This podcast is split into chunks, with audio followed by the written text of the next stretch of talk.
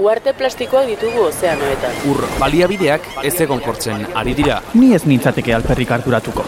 Fenomeno aislatuak dira. Bizioiturak eta herri egiturak aipatu izan dizkidate, zerikusirik balute bezala. Erleak kontserbatzeaz ere hitz egin didate. Baita ariztiak zaintziaz edo ezeguneak babestiaz ere. Eta ni, Nork babesten hauni. Mikroplastikoak elikadura katean sartu zaizkigu. Ez ez da perfektua. Bioanistasuna galtzeak atzera bueltarik gabeko ondorioak izan ditzake. Lasaitu zaitez, ez da inbesterako izango. energia erabilerari eta garraioari loturiko isuriak izugarriak dira. Ez du nik erabaki horrela izateri. Aro geologiko bat markatzeko adinako eragina izan dugu. Evoluzioaren aztarna, arro, egoteko modukoa benetan. Baliabideen erauzketak arrakala sozialak handitu ditu. Zer diozu? Nik ez dut alakorik egin. Eragindako inpaktuak direla eta muturreko fenomenoak ugaritu dira. Nire inguruan ez dut hori sumatu. Euri azidoa bertan da. Bizitzak aurrera darrai. Bai? Ziur, Gelditu makinak. Gelditu makinak.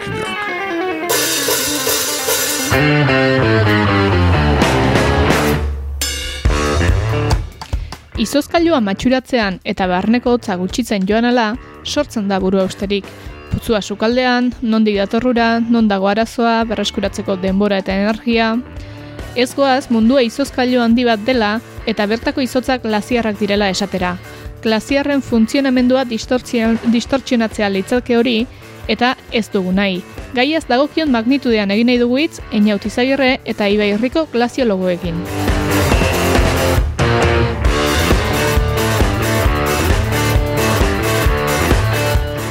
Gaurko saioaren konposizioarekin jarraituz, konposta. Kasu horretan, konpostizioa litzake? Ez dakit hori xabat larrarteri galdetzera doinduko naizen. Garbitaniako kidea da bera eta badu gaian zer esana.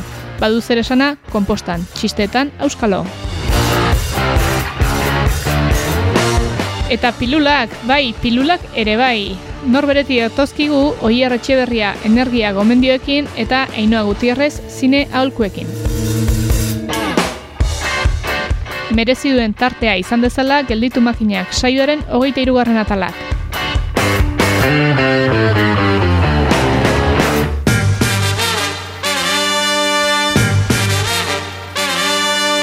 Viralizatu izan dira glaziarretatik askatzen eta apurtzen diren izot puska handien irudiak. Poluak urtzen ari direnaren albisteak ere, baita analisiak eta baita ondorioen aurreikuspenak periodikoki jasotzen ditugu. Albiste baten bueltan bildu beharrean, honako honetan glaziarrai buruzko elkarrezketa pausatu bat egin nahi izan dugu, eta horretara xe datozkigu Einaut Izagirre eta Ibai Herriko glaziologoak, ongi etorri. Kaixo. Zaldean. Tira, glaziarrez ari garela, glaziar ezagunenak aipatuko genituzke lehenik eta behin, Antartika eta Groenlandia dira horiek, ze ezaugarri dituzte bai horiek eta oroar glaziar batek ze ezaugarri izan behar ditu ala konsideratzeko. Bueno, azteko esango nuke, glaziarrak baino, eh, izotzez, izotzak hartutako izugarrizko azalea itzelak dira bai Antartika zen Groenlandia. Eta bertan dagola, gure planetan, gure lurrazaldean daukagun izotzaren euniko laro eta marra baino gehiago. Horregatik askotan, Antartika eta Groenlandia ba, kriosferaren barnean, da kriosfera izango nuke, ba, gure lurrazalean dauzkagun izotzezko elementu guztiak izango liakela, lurrazalean dauzean, no, da itxaso izotza, izotz kontinentala, glaziarrak, permafrosta eta bar, ba, horietan, ba, garrantzitsuenak bi hauek izango liakela, ez? Hortaz, ba, igual, glaziar bat bakarrik e, kontsidatzeaz gain, ba, sistema asko ze handiagoak izango liakela. Eta, eta normalean, glaziarrak ikertzeako orduan gainera, modu e, isolatuan erabili dira bi sistema handi hauek, ba, daukaten garrantzia, eta ere, ba, e, baldintza klimatikoetan izugarrizko eragina izan dezaketelako, bertako izotzak eta glaziarrek do- e, dauzkaten ba, bilakaerak eta, eta barrek. Baldintza klimatikoetan sekulako eragina omen dute, ze eragin dute ba? A ber, kontuan izan, azkenean Antartika gure planetako laugarren kontinenterik handiena da. Eta Groenlandia e, gure planetan daukagun uarterik handiena. Ia azpi kontinentala dan azalera batean. E, Antartikan amalau milioi kilometro karratu dauzkagu eta Groenlandian bat punto zazpi kilometro, milioi kilometro karratu. Eta, karo, hori eragiten duena da, guztiz e, izotzak hartuta egotean, Antartian kasuan, uneko laro marra, eta izotzak hartutako kontinente bada, Groenlandia aldiz uneko laro bat inguru, e, izugarrizko frigorifiko efektu bat sortzen dula gure planetan, eta nolabait presio altuko izugarrizko guneak sortzen diala gune hauen gainean. Kontan izan, planetan dokagun basamorturik handiena e, Antartika dela. Bertan lur oso gutxi iten dulako, eta, eta nolabait, ba, klimatiko oso zehatzak esartzen ditulako e, poloetan. Eta horren arabera, modulatzen da gaur egun e, gure planetako e, sistema atmosferiko guztia, nolabait. Bai, gero kontutan hartu behar da ere e, albedoa adibidez, ez? E, izot masak murrizten diren einean, e, bueno, ba, eguzkitik etortzen den energia kopuru mm, mm gutxiago e, erreflejatzen da kanpora, ez? E, kasu horretan albedoak esten delako, e, bueno, izot masa azalera gutxiago dagolako, ez? Orduan hori ere, klabe izan daiteke, ba, lurraren funtzionamentu klimatikoa e, erregulatzeko edo erretroalimentazio ziklo e, zikloak e, gertatzeko. Aipatu izan da, batazpesteko mundu mailako temperatura gradu, gradu piko igo izan dela, horrek ze eragindu eta ze ondorio ditu glaziar hauetan?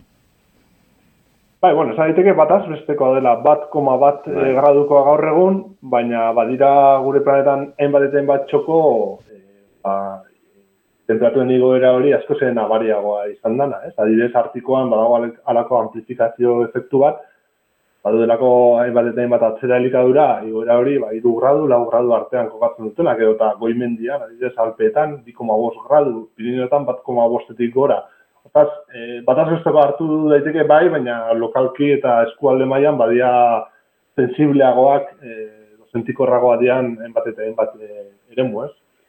Eta, eta gainera, e, ez bakarrik e, igoera, bueno, pizkat kontestuan ipinteko, aipatu behar da, e, igoera, temperaturaren igoera hau, inotik aipatu duen bezala, ez dela homogeneoa edo bakarrik bataz besteko bat dena, mundu mailan azkenean gertatu egin da oso denbora azkarrean. Pentsatu, e, igoera honen gehiena, mm, bueno, eman da mila beratzen da berrogeita marret urtetik ona, edo hor konsideratzen daia ba, sartzen garela azelerazioa hundian, edo, eta baita ere antropozenoaren e, ba, era honetan, eta gainera, inkluso azken amarkaetan, e, ba, e, abiadura edo temperaturaren igoera hori, e, bai, oso azkenengo amarkaetan eman dela, ez? Eta, kontestu historiko klimatiko batean, ba, ulertu behar da, haintzinean emandako aldaketa klimatiko naturalekin konparatuz, bai, lurra egon da gainera momentu gotzetan, beroet, beroenet, beroetan ere, inkluso gaur egun baino beroagoa, baina abiadura edo e, berotze horren abiadura da pizkat gaur egun e, gaur egun e, temperatura egoera ba, ezaguarritzen duen faktore importante bat. Oso denbora gutxian ematen ari dela lurraren e, ba, historia klimatikoaren eskalan. Eta, bueno, egitate horrek ze ondorio dakartza, ze ondorio ari dira azaleratzen glaziarretan? Bai, ba, azkenean, e, klima berotzen dan bezala, edo klima aldatzen dan bezala, ba, ba gure planetan bat eta bat elementu nolabait horri erantzuten nahi dianak, ez? Eta horietan, ba, sentikorrenetako batzuk, adibidez, badia glaziarrak eta izotzezko gorputza, edo esan digun kriosferaren parte dian elementu horiek. E, glaziarren kasuan, e, balatuko genituzke alde batetik izotz kontinentalak ez, aurrez aipatu ditugun Antartika eta Groenlandia, eta ondoren e, mendiko glaziarrak edo nolabait entzeko mendikatetan eta ingurune azpipolarretan dauzkagon e, glaziarrak ez. Eta ikusten duguna da, laroi garren amarkadatik aurrera, ba, mehetze tasetan, ez, glaziarrak nola mehetzen nahi dian, e, ba, modu asko zen abariago batean nahi diala, e, baldintza klimatikoen degradatze honi e, e, erantzuten, ez? Eta eta nolabait askartze prozesu bat eman dela metze tasetan, gaur egun batez beste eh ezagun da dozkagun glaziarretan, esaterako ba, izan e, Europako alpetako edo Pirinetako glaziarretan, zein Islandian edo Zelanda berrian edo Alaskan, Patagonian, ba oroar metro erdi eta metro bat arteko metze daukagu urtero, da urtero metro bateko izotz galera lodieran ari gera izaten. Hau da, masa balantzen negatiboak ari erakusten. Nolabait, osasun ez oso aproposa daukaten e, eta zaiko ginak, ez? Eta hori da, ba, oroar mundu mailan glaziarren euneko lagatamar, lagatamar bostean e, ikusten dana, ez? Badia hainbat eta hainbat kasu, ba, aurrera, aurrera ze prozesuan ere badaudenak, loditze prozesuan ere badaudenak, Karakolumen edo Patagoniako glaziarren bat edo beste, baina oro har, e, bataz beste, e, atzera egite nabarmenean da dela glaziar guztiak, eta gainera, e, kasu askotan, e, modu oso oso, nabarian esatrako Pirineotan, ba, hau ditugun azterretetan oso oso harri ikusten dugu, Alare garren amarkatik ematen nahi dian pasek gaur egun ere oraindik jarraitzen dutela. Eta gero, glaziarrak gero eta txikiagoa dira, eta nola ez, ba, galtzorian dozkagu e, eta pixkanaka altueran igotzen, ba, beste ematzen dira. edo, eta bar. Mendiko glaziarrak aipatzen dituzuenean, ze, zertaz ari gara, zehazki zer izan behar dugu buruan, eta ze bere izgarri dituzte? Bueno, orokorrean ezberditzen ditugu izotz mantu kontinentalen gatik, daude, dago Groenlandia, Antartika, eta horiek dira izotz mantu kontinentalak, eta gero gainontzeko glaziar guztiak, bai, sartu alditugu mendiko glaziar e, kategoria horretan. Ez, orokorrean daude, bueno, bai, zenak ezaten duen moduan, mendi edo eremu alpinoetan e, kokatuta, ez, azkenean, e, bueno, ba, horre ematen dira prozesu glaziarrak, otre gehiago diten duelako, Eta, e, bueno, orokorrean hitz egiten dugu adibidez, ba, alastako mendikateetan dauden glazierrei buruz, edo Patagoniako glazierrei buruz, edo baita ere Himalaiako e, glazierrei buruz, hor bait, e, bueno, edo, edo Europa zentraleko glazierrei buruz, ez? E, adibidez, Himalaiako kasuan, mm, bueno, baita ere deitzen zaie bertako glazierrei irugarren poloa, azkenean, mm, bai Groenlandia eta Antartiatik kanpo, ba, mendi glaziarren barruan, bai da, bueno, bai, izot volumen e, eta salera handia e, daukan ere hori, ez? Eta deitzen zaio erregatik, irugarren poloa, ez? Gainera, bueno, ba, irugarren polo horren, polo horren inguruan, ba, bizi da, e, ba, e, populazioa oso handi bat, ez? Pentsatu bakarrik Himalaiaren er, e, oinetan, ba, bizi direla, zortzirun milioi e, baino, e, pertsona baino gehiago, ez? Eta hoiek e, e, e, okate, ba, baliabide hidrikoekiko, ba, izugarrezko dependentzia, pentsatu, e, mm, e, momentu beronetan, edo sasoi, sasoi lehorrean, bazkenean, ba, e, ar, e, zera, nekazaritzarako, e, bueno, ba, lotura handia dago, mendi edo glazerretatik datorren urarekin, ez? Orduan, bueno, ba, adibidez, e, bueno, eta gero badaude beste lotura batzuk, ez? Adibidez, arrisku naturalekin, eta baina hirugarren polo hau bai bai dago zentzu horretan ba oso lotuta ba bertako komunitateekin, ez? Baina orokorrean ba hori egiten dugu mendiko glaziarrei buruz, ba bueno, ba Groenlandia eta Antartiatik kanpo dauden glaziar hau buruz eta gainera orokorrean mm, ba latitude eh, ertainetan kokatuta daude eta mm, bueno, ba, orokorrean gainera izan dira azkenengo 1950 urtetik ona, ba lehenago erantzun egin dutenak e, temperatura aldaketei, hau da, lehengo erantzun, erantzun egin dute eta asko zaskarrago mendiko glaziarrauek Antartia eta Groenlandia baino. Ez. Horain hasi da ja Groenlandia hartu du hasi da martxa hartzen esango genuke urtea, urte prozesuan, baina orain arte mm, bereziki Alaska eta Patagoniako eta Europa Australeko glaziarrak izan dira ba, bala, masa balantze negatiboenak izan dituzten ere Bai, gainera gehituko nuke, pixkat, eh, arrizkoa, edo igual gehiago esango nuke, beldurgarriena izan daitekena da hori, eh? Bai, mendiko glaziarra ja inertzia bat daukatela, eta, eta bueno, galera nahiko bizian da biltzela, baina sistema handiago batzuk, eta kasuntan Groenlandia da eh, eredua, ba, zidara ere bere e, izotz urtzea e, areagotzen, urtetik urtera gero eta handiagoa da, azkenengo post urteetan, iaia bikoiztu du, azken bi amarkaetan zeukan izotz galera, eta horrek ez dauzka eraginak soilik eur e, baldia ez da lako inor bizi horren inguruan, baina adibidez bai e, itxasmaiaren igoera, mm. ez? Eta hortaz, bueno, ba, badia ematen bat prozesu elkarrekin zan daudenak, eta, bueno, ba, atozen urteetan ez urazki notizia izango dira.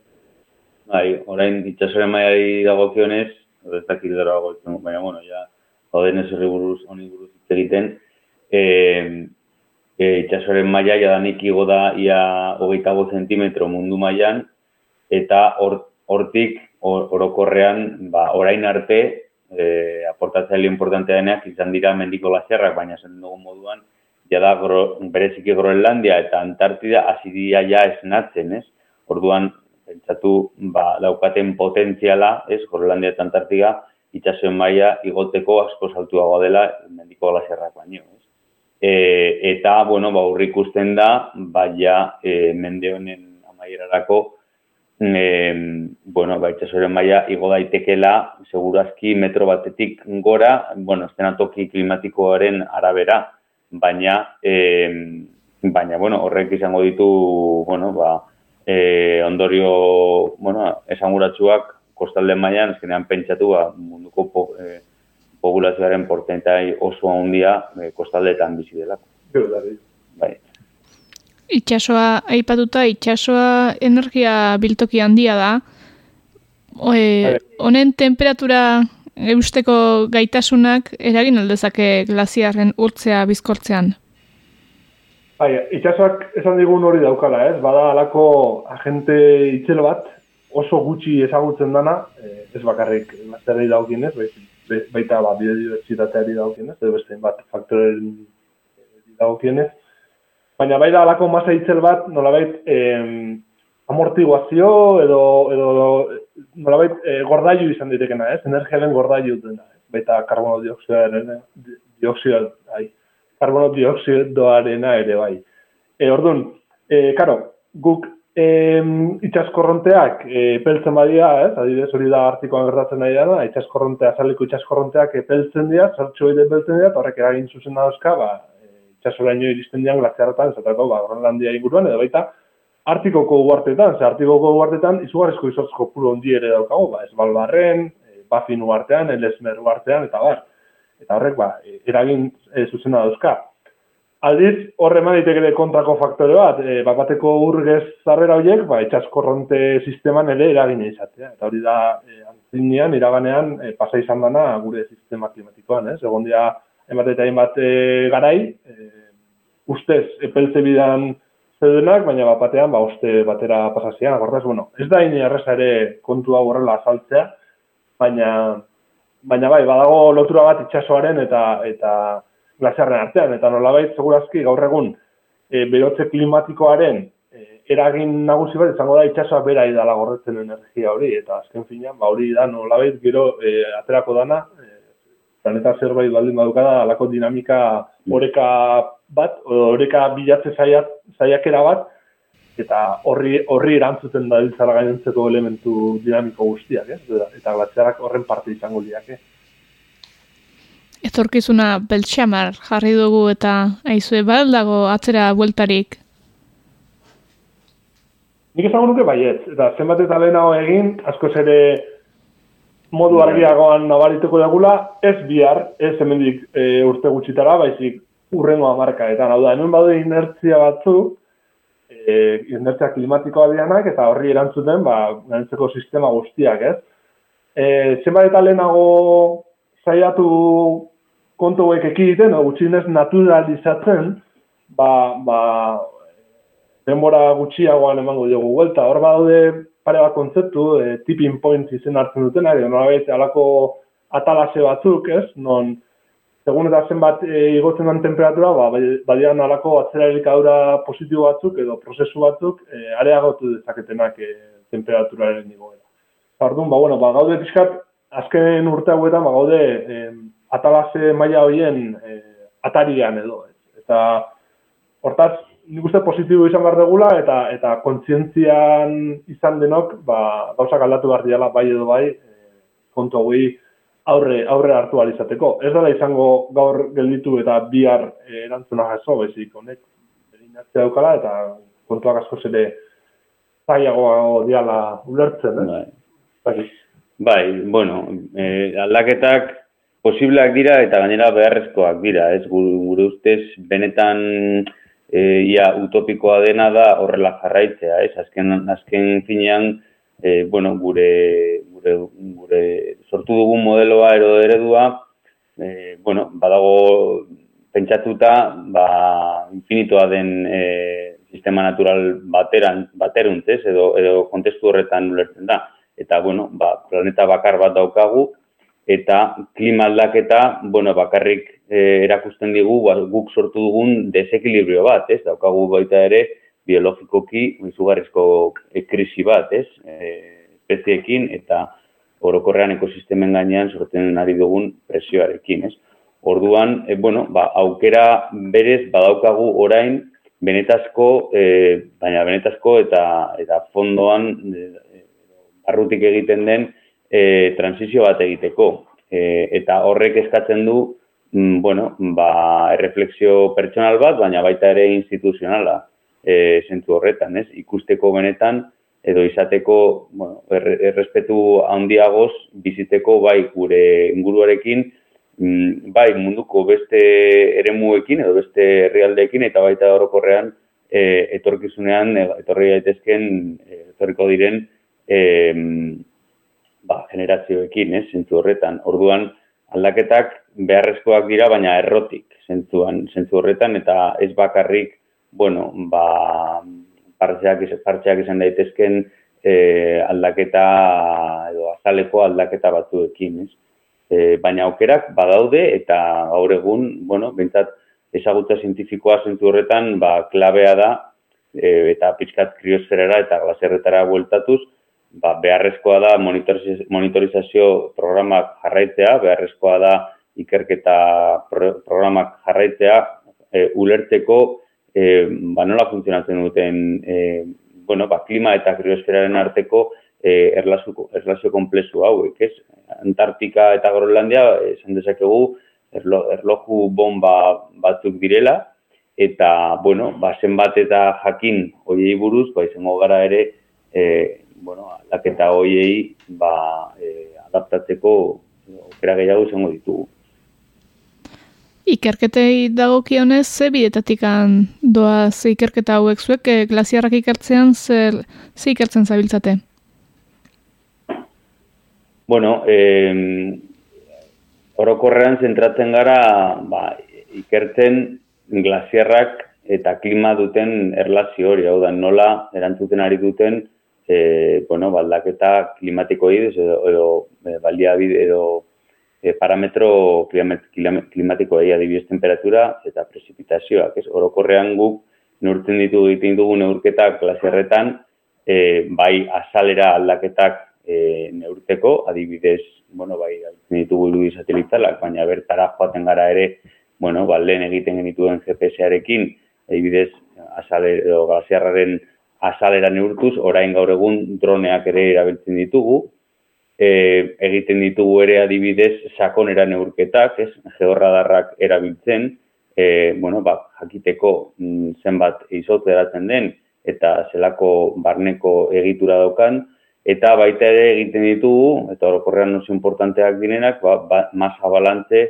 e, neurketak, hau da, pentsatu, ba, glasiar bat, pilatze eremu bat daukala, eta urtze eremu bat daukala, hau da, urtero neguan e, elurra pilatu egiten da, hoietako edo pilatzen den elur zati bat ez da orokorrean urtzen udan zehar, eta azkenean ba, e, elur hori urrengo elurte bat gainean erorita, ba, azkenean izotza bihurtuko da, ez? Baina orokorrean beti glasiar batean, urte batean zehar, badago e, pilaketa kopuru bat, edo pilatze ere ematen den elur kopuruaren pilaketa, eta gero urtze ere ematen da urtze prozesu bat, ez? Orduan, bi hoien arteko, bi prozesu hoien arteko, ba, azkenean balantzea, ematen dizu masa balantzea. Eta orokorrean hitz egin dugu, ba, mundu mailan glasiarrak desekilibrio batean daudela. Ez? Azkenean temperatura igotzen da, urtzea ez den bestekoa, edo oso barkatu, pilatzea ez den bestekoa, eta masa balantze negatiboak daude. Orduan, e, masa balantzen urketa horiek egiten ditugu,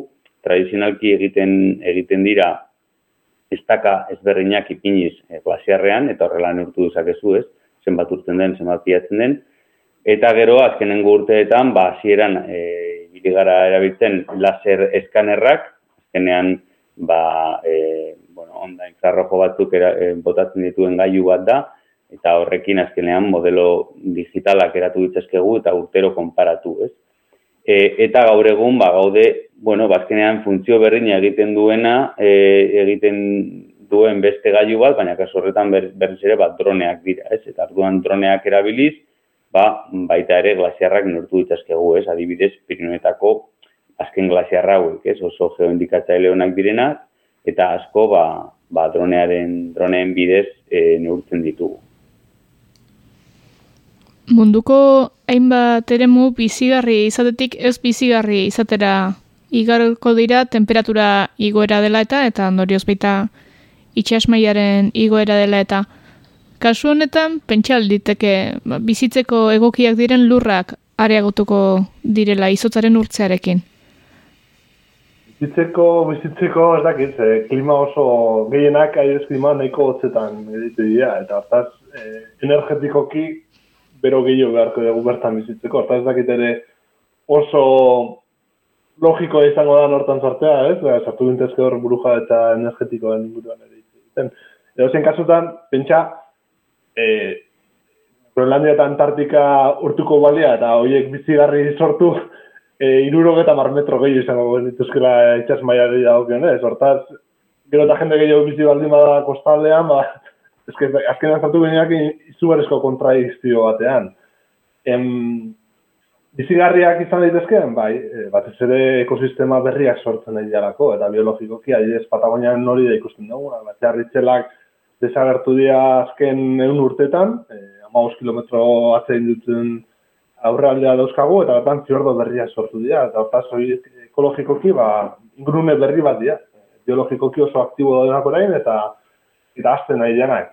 Horrek esan nahi duen biztanlegoa edo biztanleria bizitzeko besteko eremuak izango dianik, ba, ba ez, ez da oso logikoa hori esatea, zeren, nolabait, distantzia gehiago gora, edo urrunago ongo gara, e, zakit, pentsatu beharko nuke lehen nibeik komentatu den zela pixkat, nola bizi geran, eta zertarako bizi geran, eta, eta batez nun bizi geran, ze planeta finitu batean bizi gara, e, dago nundik gauza gehiago atera, ez? Eta, eta ez dakit, e, ni uste hobe dala, naturalki eman barko litzateken era bultatzea, eta horren arabera ikusiko da nor arte bizi gaitezken eta non bizi gaitezken, guk ere moiek e, degradatu eta gaina bizigarri sortzea baino. Gero, a ber, aukerak eta oportunitateak aldaketekin ere ikusi behar dira orokorrean, eh? Bueno, ba, paisai aldaketak emango dira, eta adibidez, ba, glaziarrak ikusteari lotuta dauden turismoa, ba, horretara moldatu beharko da. Eta mendi ere muetan, adibidez, ba, kirolak ere aldatzen ari dira, ez? Eski aldatzen ari dira, bueno, ba, zerrei lotutako turismoa aldatzen ari dira, gero beste aukera batzuk sortzen dira, adibidez, ba, bako urtar, e, zesi, e, no e, urtaroa e, luzeagoa da, e, beste jardura batzuk egiteko, adibidez, zikiltan ibiltzeko edo mendian ibiltzeko, Orduan aurre ere orokorrean ez da dena negatiboa izango, ez? Mendiko eremuetan eta kriosferan ematen diren aldaketekin, baina gero egia da adibidez bueltatuz galderara, ez? Izotza aterakada edo izotzak urtzen balin badira lur gehiago dago, bueno, bai baina horre ere arazoak daude, ez? Ur baliabiekin ikusi ditugu arazoak daudela, eta gero zuzenean asko ez dugu itegin, baina arrizko naturalak daude, ez? Oso arrizko natural klabea adibidez handetan eta Himalaiako ere muetan da, glaziarrak atera kada, eh, atera botatzean, hor sortu egiten dira, e, bueno, ba, laku batzuk glaziarren aurrean, askotan, bueno, baita ere sedimentu batzuk eusten dute laku hori, baina orokorrean oso, bueno, mm, bueno, ba, zaurgarriak dira, e, ba, arrizko naturalak sortzea, sortzeko, zezkenean, laku horiek, ez, atera, zerra atera botatzen da, laku bat sortzen da, baina laku hori bat batean askatu egin daiteke, eta izugarrizko uoldeak e, sortaraziz, batekoak, eta bueno, ba, aran, gust, aran e, oso handi guztiak, e, o, e, komunitate osoak, eraman alditzazken e, ba, uoldeak sortuz, ez? Orduan, bueno, hor ire ikusi daiteke, ba, bueno, azkenean galzerrak atera doaz, baina urten den ur guzti hori pilatu egiten da, eta, bueno, arrisku natural importantea sortu ditzazke. Ba, Ibai Riko eta Einauti Zegirre glaziologoak mila-mila esker gaia gurean lantzeagatik. Bale, ba, eskerrik asko. Ongi izan. Gelditu makinak, naiz irratian, Eli Pagorarekin.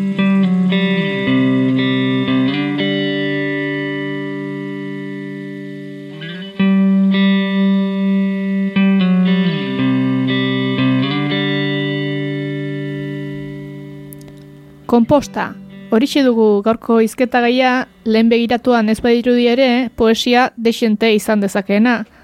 Eta horretara dator, Xabat Larrarte, Garbitaniako kidea, ongi etorri Xabat. Bai, eskerrik asko. Oinarri oinarritik hasiko gara gai honekin eta ipai guzu zerla komposta. Bueno, e, oinarritik edo hasieratik hartuta komposta da azkenian e, materia organikoa deskomposatzeko era jakin bat, bai, da era aerobio bat, oxigenoren presentzien egiten dena eta lortze dugu produktu bat, eta azpi produktu bat dena komposta, bai.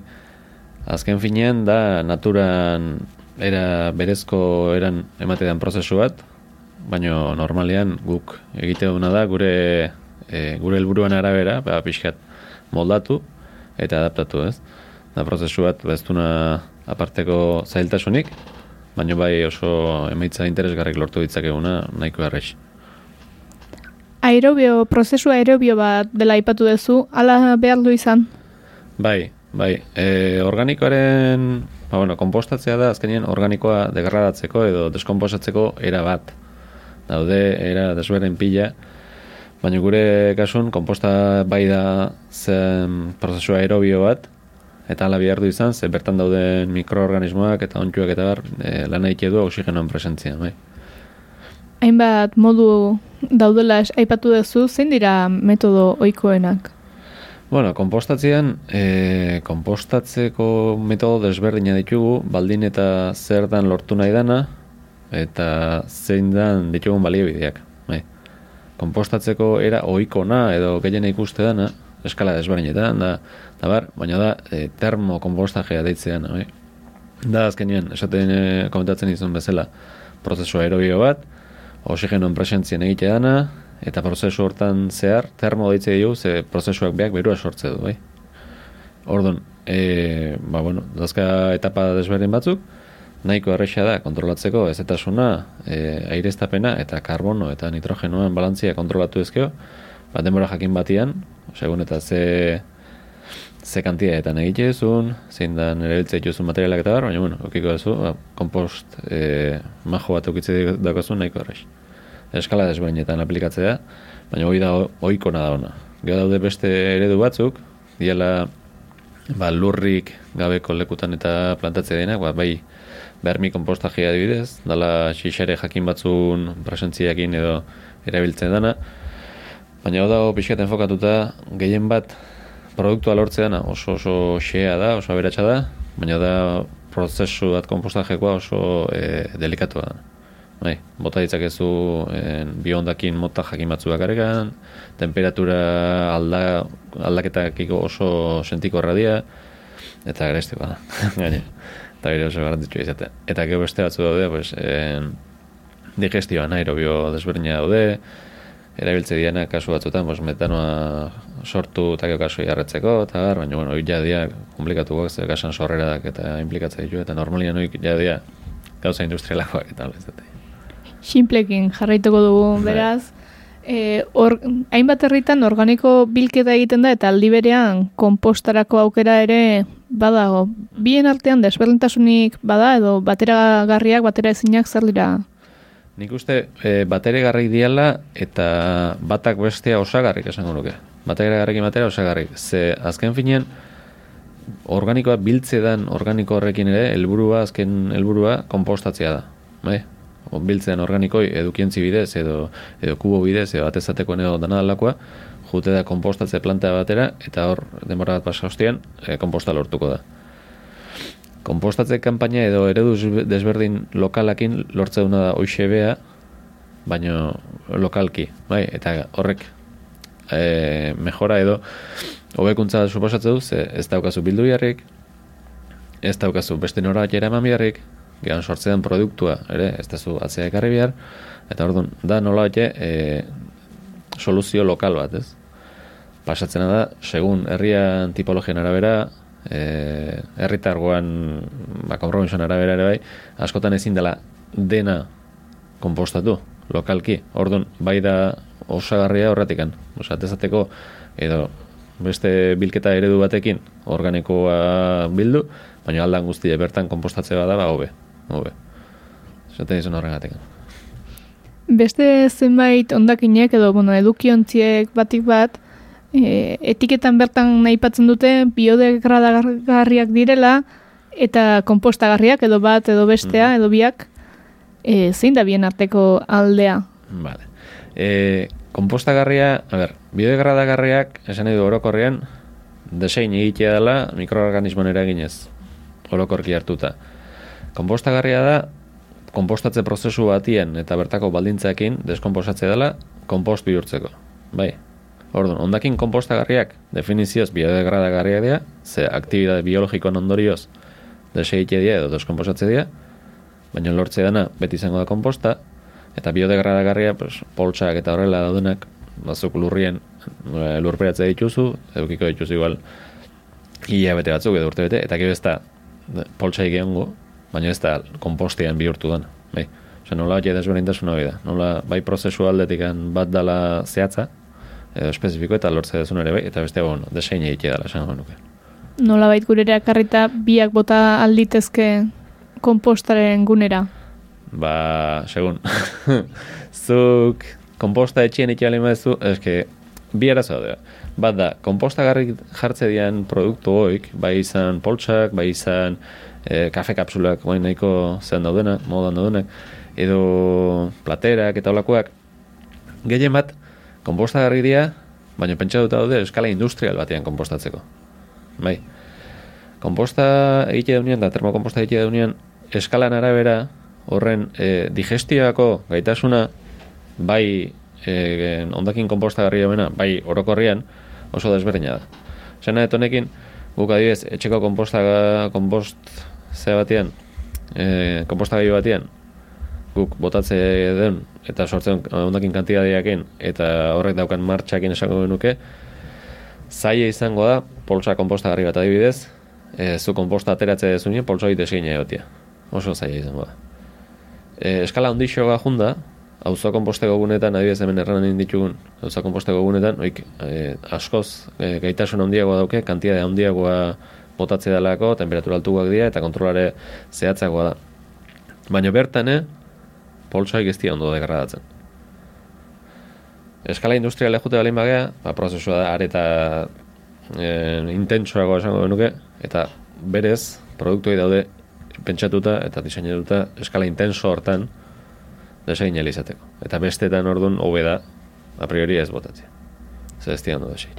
Eta biodegradagarrik zuzenin ez bota, ze ez dia desein gamartxa berdina eskala aipatu duzu eta hortik segin nahi nuke konposta etxean egin daiteke, auzoan egin daiteke, herrian egin daiteke, neurriak baldu eraginek zer aldatzen da eskalaren arabera? Bai, en, eskalak determinatze du, eskalarekin batea, determinatze du kudeaketak. Bai, zuk esan dezun bezala daude eredu desbereinak. Hemen erranin, eh, atezateko implantatu genunean, jarri ziren martxan eredu desbreinak. Aukera eman zitzaion, e, etxian lur zati bat, edo baratza edo zeukan edo norri, ikastaratxo bat eman, eta martxan jartzeko bere komposta bia, bea etxien, beak kontrolatuko zuna, eta handik aurrean nahiz guk asesoramendu eskainiko genuen, beak bere martxan jonalizateko. Aukera eman zen bai, erdibireko gauza bat itxeko, eta zen, e, taldeko lorategi bat zeukenak, edo pues, e, etxe bizitza talde batzuk eukitze be, lorategi bat denena elkarranatu dana, ane olako instalakuntzak egiteko aukera eman zen. Bai, komposta gai, jarri eta zuen artean ardura banatu eta berro lazatzen. Eta gero zehatu dena ere bai, azken urte hoitan, desente datu dena da, auzo komposta ja, eskala ondixo batien, eta bi harri mailan, ba, jendiak e, lurzatik ez daukan jende horri aukera eman alizateko. Eta kasu hortan, kudeak eta osoki guk hartzea. Bai. Etxeko kompostian, Ze aldatzea, ba, e, prozesuan intensia dia esango genuke, e, edo agarresi bidadea, asko zagarresi gogoa dea, gero eta eskala handi bajun, bai, orokorrian. Zeratik ba, kudeak eta aldetikan, tekniko batek, ze gain begiratze dulako, material aldetikan, e, egituratzaile aldetikan, askoz gehiago kontrolatze dulako, temperatura altu bakartze bidalako, eta askoz gainean gehiago gaudelako. Bai, etxeko komposta da nola batxe e, errexagoa, ze azkenean zuk botatzea jozu zure etxeko ondakinak, zuk botako zu daukazu negituratzailea, eta nesta temperatura gutxiko edo gehiago hartu, ondo ingo zaizutak ito. Kontrola erresa da. Desmadratzen zaizula, arazon badagola, e, zuzenketa ere erresa da. Eta arazoan tamaina ez da oso ondila. Zer pasatzea, eskalan handitzen guazen neurrin, eraginkortasuna, prozesuena handigoa da, zuk temperatura gehiago hartze dituzun neurrin, ondakin gehiago botatze dituzun neurrin, eta estrukturante hobe bat erabiltze duzun neurrin, dakazu gaitasuna, ondakinak azkarrago degradatzeko, kompost on bat azkarrago lortzeko, baina horre dakan e, Japonan beste aldi esango nuke da, ibili garrazula kontuz. Horregatik da, kudeaketare horretik sartzen nun, bai? Kontuz, ze, esku utxarretan uste bali maezu, edo ez, ez bali maezu, bihar bali zaintzen, itxe daka, ba, bueno, esmadratu, usainak sortu, e, lixibiatu sortu, eta bestelako arazo batzuk, ja, eskala handigo izatean, handigoak izan daite ezkenak. E, dena da zuzen garria, eta orokorrian errex zuzen garria, baina daukan impactua herritarrakiko, eta kontutan hartu da, auzo kompostan kasun, ustu dala gertuna da ona herri mailan, ba bai, bai horretik kudeak eta ere garantzitsua kompostaren bueltan nolai desateko, baldago ekimenik martxan, oroar, e, zure ezagutzaren baitan edo, ze ekimen daude kompostaren gainean? Bueno, hemen errani mailan, e, dago ez ekimen bereziki martxan jarritako batuain, baina damakigu mm, kampaina intensiboak egin izan duzien hasieran etxeko kompostanak, atezatekoan implantazioa egin batera, eta handi eta orain dela urte batzutatik ona auzo konpostan edapenean eman ditugu pauso pauso desente gaur egun berroita behatzi auzo konposteko gune ditugu eta denea behatziren da gehiago familia dia auzo konposta egite duenak eta etxeko konposta egiten beste seireun eta piku daude eta gaur egun egite duena da nola e, egonkortze egoera batean gaude, bai? Osea, asesoramendu eskintze deu, interesadunak aukera du, bai etxeko konpostean apuntatzeko, bai edo eta auzo konpostean, eta aukera deun neurrin, ikastaro kantolatze ditugu etxeko konposteko nahi duen antzako, konposta jo emanez, eta auzo konpostekoan kasuan, pues, dago, dago itxeron zerrenda bat, segun ze auzotan, ba, plaza libre batzuk izan daitezke, beste batzutan, pues, jeju itxeron zerrendan e, apuntatu, eta beharko egunien, ba, beste gune berrian martxan jartzen egunien, pues, aukera emango nahi esartzea. Komposta bat erabilera izango ditu eta orain arte aipatu ditugunak izan dira e, komposta egitearenak. Gero herritarrek komposta hori jasotzen aldute edo erabiltzen alda zerbaitetarako? Bai, guk e, auzo konposteko sare hortan aipatzen izunean, e, astero astero sortze du komposta, ze astero ustutze komposta gehiago batzuk e, daukan, ba bueno, daukan antolak antzagatik, bai. Orduan, kompostoi e, analisi batzuk eta egite izkio, eta analisi egin ondoren, e, parte hartzaileen esku uste da. Bai, hemen udalak, bueno, lora zeintzako zerbitzua daukan kanpan hor sarerako leku batian dago, eta astero da. Eta egia esan, banatzea da, airean. Erabilerak asko izan dizake. Berez, lora zeintzakin, edo barazgitzakin, edo lurran eta landare dien erabilerakin, edo zein gauzatako erabilia daiteke.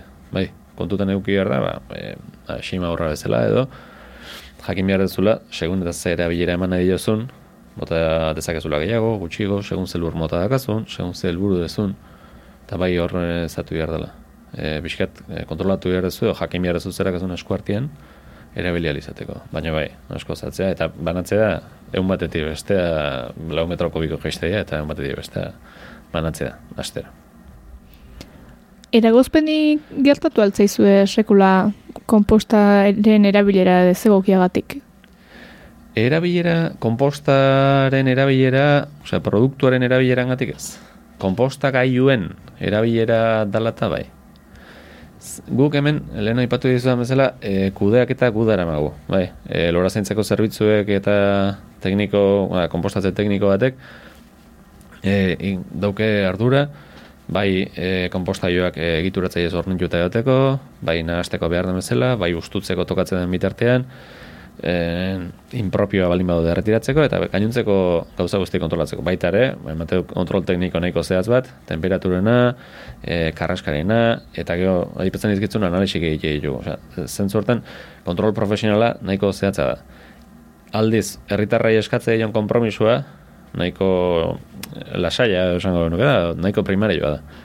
Eta eskatze dion bakarra da, bueno, apuntatu zatxe, eta zukin behar bakarra da, zure organikoa bertan bota, eta egituratzei horrekin tapatu. Beste zer ez ditugu eskatzen. Kontua zer da, eta borondatezkoa danik, baina badaudela batzuk, kompromisoi igual, hasieran ba, zehatzago edo edo ba, zehaztasun gehiokin betetze duenak, baina denborarekin, juteianak pixkenaka utzi, utzi, utzi, eta bere organikoa ez tapatzen, eta poltsa kompostagarri botatzen, eta akaso beste norbatek ja, pues bueno, lata bat ere botaigu kolatu zaiona, eta baditugu arazo zehaz batzuk puntola dia, ez da horakorra ez da gutxik, eh? baina bai ematea kasu batzuk olakoak. Eta, bueno, dena, aipatzen izan bezala, gainean gauden hortan, e, konponbidearen eko azkar jartze du. Orduan, ba, bueno. Aipatu dugu- dugunagatik, konpromiso nahiko lasaia eskatzen zaio erabiltzaileari, aldi berean kompostain baliagarria, erraz eta eskuragarria izanik, nola da posible ede hain edatuta ez dagoen praktika izatea. Ba, galdera ona da. Galdera ona da, eta... Ba, beira. Ni, nik uste gaur egungo gizarte kapitalista honen logikaren zea da, ez? Nik uste erakusle bat gehiago da. Azkenian, kompostak kompromiso gutxi, baina kompromiso bat eskatze dio herritarrai, eta orokorrian ondakinean kudaketa on batek ere bai. Zena dizut, bai atezateko sistema batek, bai pixkat ze- zehatzak edo pixkat e, perseverantia balin bagea edukientzi sistemak ere bai. Ze azkenean, bai behar dituzu ondakina sailkatu, behar den bezala zehatu, eta gaur egungo gizarteak justu garamatza kontrako eredu batea. Eta da, konsumitu, ez pentsatu, bota, etzazu esfortzuikin, eta kitxo lasain, zuk ordaindu, eta beste gauza berri bat emango dizu. Ondakinekin berdin, bota, eta aztu. Vale? Gero arazo balin bada, gero ateako nun batetik, edo ordainduko duzu, baina ez zehatu. Kompostan da pixkat, bueltan bueltan dator horren e, horren aurreti asko eredu batea, bai? Ez azken finean da, zuk dakazu ondakin bat, organikoa, txarri jana, eta garai batean, ba, sabere bidez, edo, edo simorreta botatze zana, edo azkenean eredu nahiko antzekoa da. Eta bai egin dezakezu individualki edo kolektiboki, pues, edo kompostan kasun. Baina kontua zera, esfortzu minimo bat, behintzat eskatu ditu du. Bai, e, herritarrai, eta kontuz, baita administrazioa ere.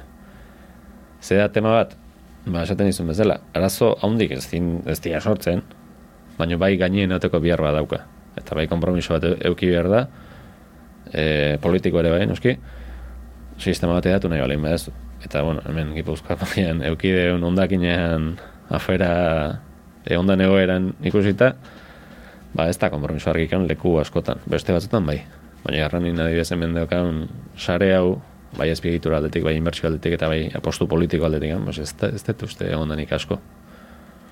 Baina gehien bat horregatik, ez? Ba, herritarren kompromiso eskatzen neurrin eta zerbait jola zea da nion, ba, bueno, askotan apostu ditu dela bastar usteko. Ba, xabat larralte garbitaniako kidea, azken hitza eman nahi nizuke, zerbait geratu bazaizu gehitzeko edo, lasai hartzazu. Bueno, ba ez, banik, e, zatuko nuke, ba, e, kompostan kontzeptua bea zehatzea, ez? Osea, filosofia, bueno, filosofia, igual tabernako filosofia dela, eh? Baina, bai, kontutan eukitzeko ideia zein dan, zuk ondakinak sortu dituzu, ondakin organikoak zure etxen sortu dituzu, eta egituratzailea, zuk, ba, basari batean bizi bali zuk zehorre sortu duzu, eta auzo kompostian sortze, erabiltze dunare, ernanin sortutakoa da. Bertan konpostatuko duzu, bertan da seingo da, eta bertan jarriko dizu eskuragarri, zuk berriro erabili ahal izateko, zure baratzen, edo zure landaretan, edo nahizunetan. Ziklo itxi bat da zentzu hortan, hemen hasi eta hemen buka ite dana. Eta botatzeko zerbaitan bat, gauza batek berriro bizia emate du. Bai. Hoi, zatu nahi nuke, ba, pixkat, kontzeptu politia iruditzen zaitelako, zazkenean da hilda dagoen zerbaitek berriro bizia nola emate duen, eta oso era, simple batean. Eta hori esan da, ba, bueno, animatu nahi duen guztiak aukera daukala hoi, ba, esatak genuen mazela txeko komposta edo auzo kompostan parte hartzeko, eta animatzeko mundu guztia, nahi duen guztia. Hori da, ba, dei horrekin utziko dugu, mila esker guren izategatik xabat, Eskerrik asko zuei. horren arte. Gelditu makinak. Energia aholkuak goien erren eskutik. Energiari dagokionez, ez dakit bat nik etxeko ate eta leioak zabaldik ustea oso egokia den, baina badazpada, alaxi utzi ditugu, oier etxebarriak nondik sartua izan dezan. Energia aholku eta guzti dator gaur ere, oier etxebarria. Ongi etorri. Atzalde hon. Ea da, e, esaiguzu gaurkoan zer lakarkizu. Bueno, ba gaur etxe berokuntzan inguruan edo e, aholku batzuk emuteko ba, aukera ikusten dut, Ba, hor dauelako egixe esan argindarrian baino gasto handixoa. Argindarrakin normalin ez du betxiak berotzen, eta normalki, etxen geixenetan, itxen duena da, ba, gaz e, kaldera individual edo kolektibo batekin etxean e, ba, etxea berotu. Eta, claro, ba, hor ba, badauz aholku, aholku batzuk kontuan egitzekuak. Alde batetik, etxean ze temperaturatara eukin nahi duen, ezta? zenbat eta temperatura altu ipintzen dauen, orduan eta gaz edo energia gaztu geixo edukiko. Eta horregatik, bueno, ba, gomendagarrixa da, ba, bueno, ba, meretzi hogei, hogeita bat, ja, niri temperatura altu xamarreru izen jat. Eta batzuk esaten daue aurrezteko modu honena, ba, etxe barrun be, arropa desente eukitzi edala. Bueno, ba, batzuk amasei zen jartzen daue termostatu, eh? amasei, jo, ba, hotza hundixe da baina, bueno, e, hor neurtu, eta ikusi ber noraino jetxileiken orduan eta faktura txikina izango dalako. Beste alde batetik, programatzia be gauza ingarrantzitsu izan lehik, ze, kao, norbera jartzen dago termostatua martxan, jartzen dago kaldera martxan, eta gero ahazten jako itzaltzia, eta etxien ez dagoen nien be, kalderak berotzen jarraitzen da. Orduen, etxian egoten garen ordutegixan arabera, e, programatzia temperatura desberdinekin, ba, garrantzitsu da. Oian gauzen bitxartian, etxia amasi gradutara e, ostiak ez da arazorik ematen. E, oe barruan zauzela amasi gradutan ez da hotzik. E, oe barruan baldin bazauz. Oe kanpuan baldin bazauz biluzik, ba, ba bai, amasi gradu gutxi da. Baina, bueno, ba, horre norberak erabakiko dauz zenbat prez dauen e, gastatzeko energia, ezta? Eta gero, ba, klaro, ba, etxea ireztatu bin behar da. Eta, bueno, esaten daue, Bos minutu lehiuak zabaliko ikitzia etxia ireztatu egiten dela eta ezetasuna eta kutsadura eta etxe barruan eh, ba, akumula bali izan da zeo bi hori ba, berriztu egiten dela. Ez da orduen, egunian eta alik eta momentu epelenian lehiuak bos minututan zabalik eukitzia etxeko lehio dana, baina bos minutu bakarrik nahikue da etxia aireztatzeko. Gero badauz, eh, etxia aireztatzeko sistema automatikuak eta baina bueno, horrek ja ez die haino ikuak. Eta batxia beroz, be, etxien beroketan inguruan nik esango nuke hori dala garrantzitsuena. Hortik aurrera, ba, isolamenduak eta hobetzia be ba garrantzitsua da, ezta? E, kristala dobliak ekitxia, atietan zerrekitu ondirik ez ekitzia, e, pareta sistrina baldin badie ba, apur bat e, isolamendu jartia alba kanpotik eta bestela barrutik, e, etxe gainean espada inor, ba, etxe gainean be isolamendu jarri izatia, edo etxe osua beste, biztal, beste e, bizilagunekin batera berriztia eta energia e, efizientzian hobetzia, alik eta letra hobien eukiteko, A bat eukitzi ez du lortuko, baina bueno, F edo G baldin bagauz, eta era edo dera pasatzeko gaitasuna baldin badauko, inbertsio batein da, ba, desente gutxio gaztauko dugu. Mm Ba, mila mila eskerro hier, temperatura honean segiko ote dugun. Eskerrik asko. Ez horregatik. Gelditu makinak. Zine gomendio egitera norretorreko zei zai geunden, eta ara, hemen ainoa, horretara zatoz ez da? Horretara bai. Bueno, ez gabiltzen astuta beraz. Eki osua, nahi osunean. Bueno, ba, gaur e, pelikula bat ekarri dizuet, oain dela bi urte zinemalian ikusi nuena, Giraf deitzen da, eta Ana Sophie Hartmanen e, pelikula bada, Danimarkarra. Eta pelikulan, e, Danimarkako zonalde batean, tunel batera ikitzen ari dira, Alemania eta Danimarka lotuko dituenak. Orduan, e, fikzioa eta dokumentala nastuta daude, pelikula honetan. E, ba, alde batetik, badaudelako e, artxiboak, tokiaren inguruko artxiboak, eta bertako biztan lehen testigantzak, edo e, olako elkarrizketak, baina beste alde batetik oso fikzionatua den historio bat gertatzen delako e, fikzionatua den historio hori da protagonista bat, emakumezko protagonista batek azaltzen duena, e, eta bera da, ba, kontratatu duten pertsona, obra hau garatzeko e, argazkiak ateratiko dituena, ez? Orduan argazkien e, jolas hori fikzionatua eta dokumentala banaztuta dago denbora guztian. Gaina pelikulak e, aktore profesional eta ez profesionalekin lan egiten du eta e, dauka harreman oso berezi bat pelikularen kanpoan dagonarekin, ba, benetan eraikitzen ari delako, ez kontatzen duen hori. Der synes ikke længere at være noget, der kan stanse den faste forbindelse mellem Danmark og Tyskland. Arkeologer er allerede i gang med at sikre fortidens skatte på det fremtidige fabriksområde. 12. januar. Det er der snestorm. Der er stadig flyttekasser overalt. Har du et matrikkelkort eller noe informasjon om den gården tror du her? Jirafa hartzen du, simbolo gisa, horregatik deitzen da jirafa. E, etxetik kanpo bizien jendearen simbolo bezala hartzen du. E, eta gainera, jirafak aurkitu zituelako rodajean zehar e, toki horretatik gertu, ez? Orduan, hori kontatzen zuen zinemalian. E, hortek abiatu zela.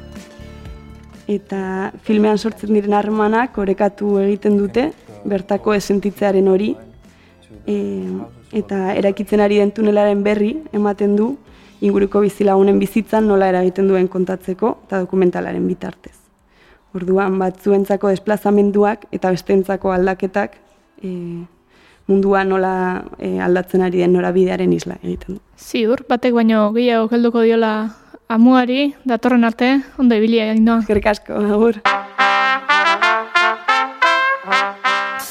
Hogeita irugarrena itxigabe ez dagoela, hogeita laugarrenik asterik, eta jatorri bili.